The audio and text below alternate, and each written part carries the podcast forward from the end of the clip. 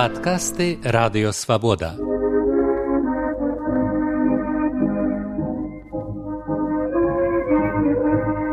Падарожжа ў БНР з Сергеем Шупам.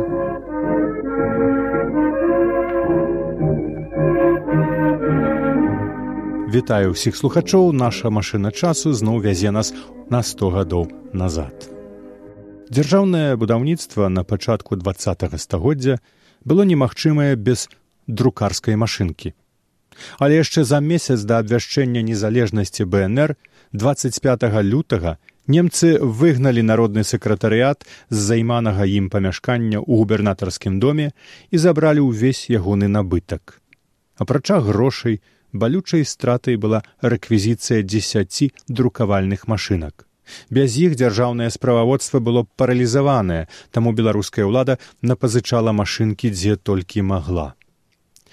Пра іерархію ўлады і субардынацыю красамоўна сведчыць адзін дакумент. Беларуская вучнёўская грамада правяла ў менску скарбонкавы збор і папрасіла народны сакратарыят налічыць ёй за гэта належны заробак. На гэтай пісьмовай просьбе стаіць рэзалюцыя загадчыка справаў народнага сакратарыяту лявона зайца. Лічу патрэбным выдаць ім хаця б пятьдесят рублёў а то яны могуць з абразы як нічога не дамо адабраць сваю пішучую машынку на гэтым гісторыя не скончылася. Праз месяц вучні запатрабавалі вярнуць ім іхны ундервуд нумар тры бо ў гэтым часе вучнёўская грамада занята вельмі пільнай працай па будаванню расійска-беларускага славара і перакладаў расійскай літаратуры на беларускую мову. Дзелавод народнага сакратарыяту робяць на лісце такую прыпіску. Пан варонка сказаў што машынка нам надта патрэбна а матывы тут напісаныя не прымаюцца пад увагу просьба надрукаваць трэцюю устаўную грамату просьба дазволіць выдаваць штодзённую газету просьба вызваліць ахвяру масавага хапуну ў менску просьба дазволіць правесці рэгістрацыю насельніцтва. Да гэтых ды іншых просьбаў народнага сакратарыяту нямецкія ўлады ў першыя месяцы гаспадарання ў беларусі заставаліся глухаватыя немцы надалей трымаліся рашэнняў берасцейскага міру не падтрымліваць на акупаванай тэрыторыі рассеі ніякіх новых дзяржаўных утварэнняў беларусам у гэтым сэнсе не пашанцавала так як літоўцам або украінцам чые новаабвешчаныя дзяржавы былі на той момант ужо прызнаныя нямметчынай. Пытанне прызнання стала рубам. Падкасты радыёвабода падарожжа ў бнр з сергеем шупам. Найбольш старання ў справе прызнання незалежнасці беларусі прыкладаў беларускі дыпламатычны авангард. Высланая адразу пасля двадцать пять сакавіка ў кіяў дэлегацыя народнага сакратарыяту ў справе перамоваў. Яе ўзначаліў дасведчаны юрыст александр цвікевич найбольш абяцальна выглядала справа прызнання украінай але і там ніхто асабліва не спяшаўся з рашэннямі. Галоўнай праблемай заставалася беларуска-украінская мяжа.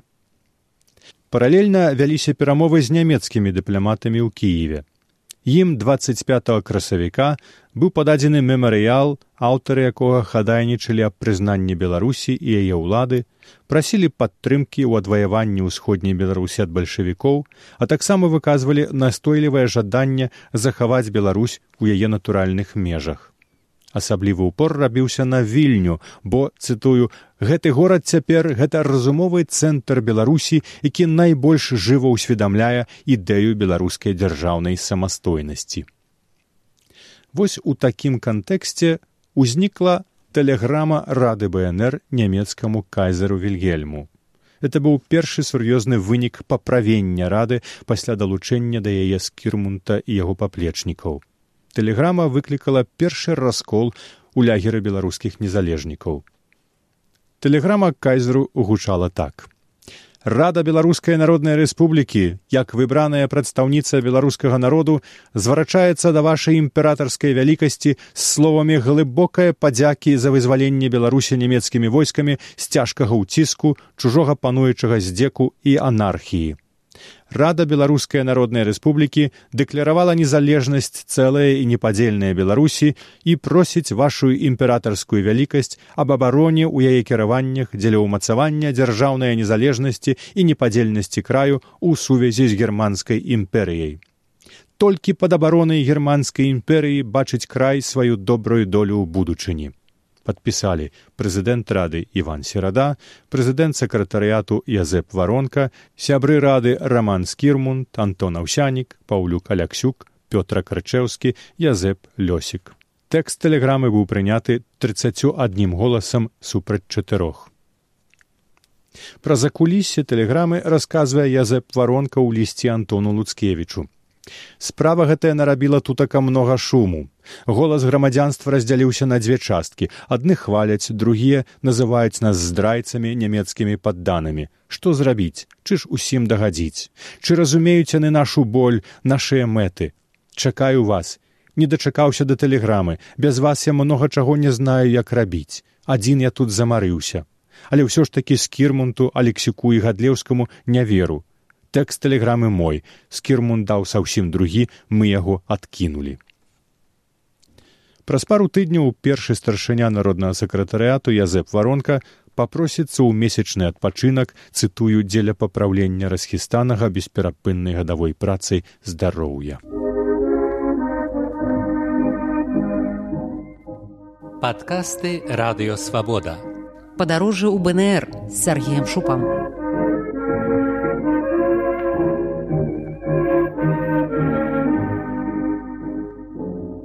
Ініцыятарамі даслання тэлеграмы кайзеру па ўсёй верагоднасці былі браты луцкевічы. Намаўляючы беларускіх правых далучыцца да рады рэспублікі, Антон Луцкевіч сярод іншага тлумачыў. Мы, седзячы інмедіас рэс нямецкай палітыкі, ведаем аб кожным кроку нямецкай дыпламатыі.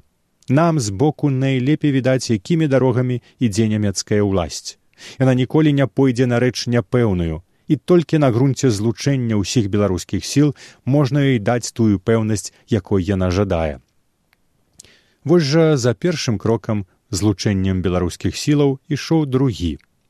Засведчыўшы немцам пэўнасць, беларусы паведамілі пра сваю геапалітычную арыентацыю і згадалі пра сваю незалежнасць у сувязі з германскай імперыяй.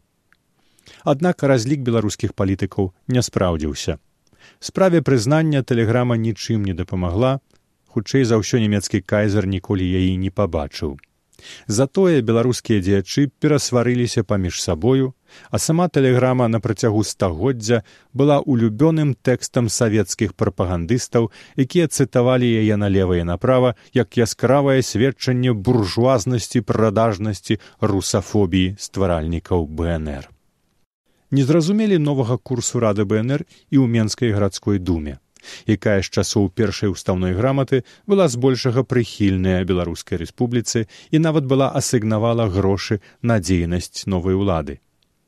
Цяпер жа дума палічыла што абвяшчэнне беларусі адарванай ад рассеі незалежнай народнай рэспублікай і далейшыя пастановы прынятыя радай у тым самым кірунку адхіляюць арыентацыю і палітычную лінію рады ад той, якая намечаная ўсёй дэмакратыі нашага краю, у тым ліку і першым усебеларускім з'ездам.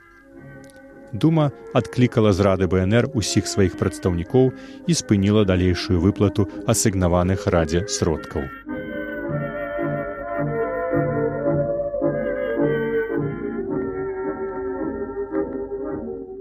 Вы слухалі падкаст радыёвабода. Наступны выпуск праз тыдзень. Усе падкасты свабоды ў інтэрнэце на адрасе свабода кропка орг.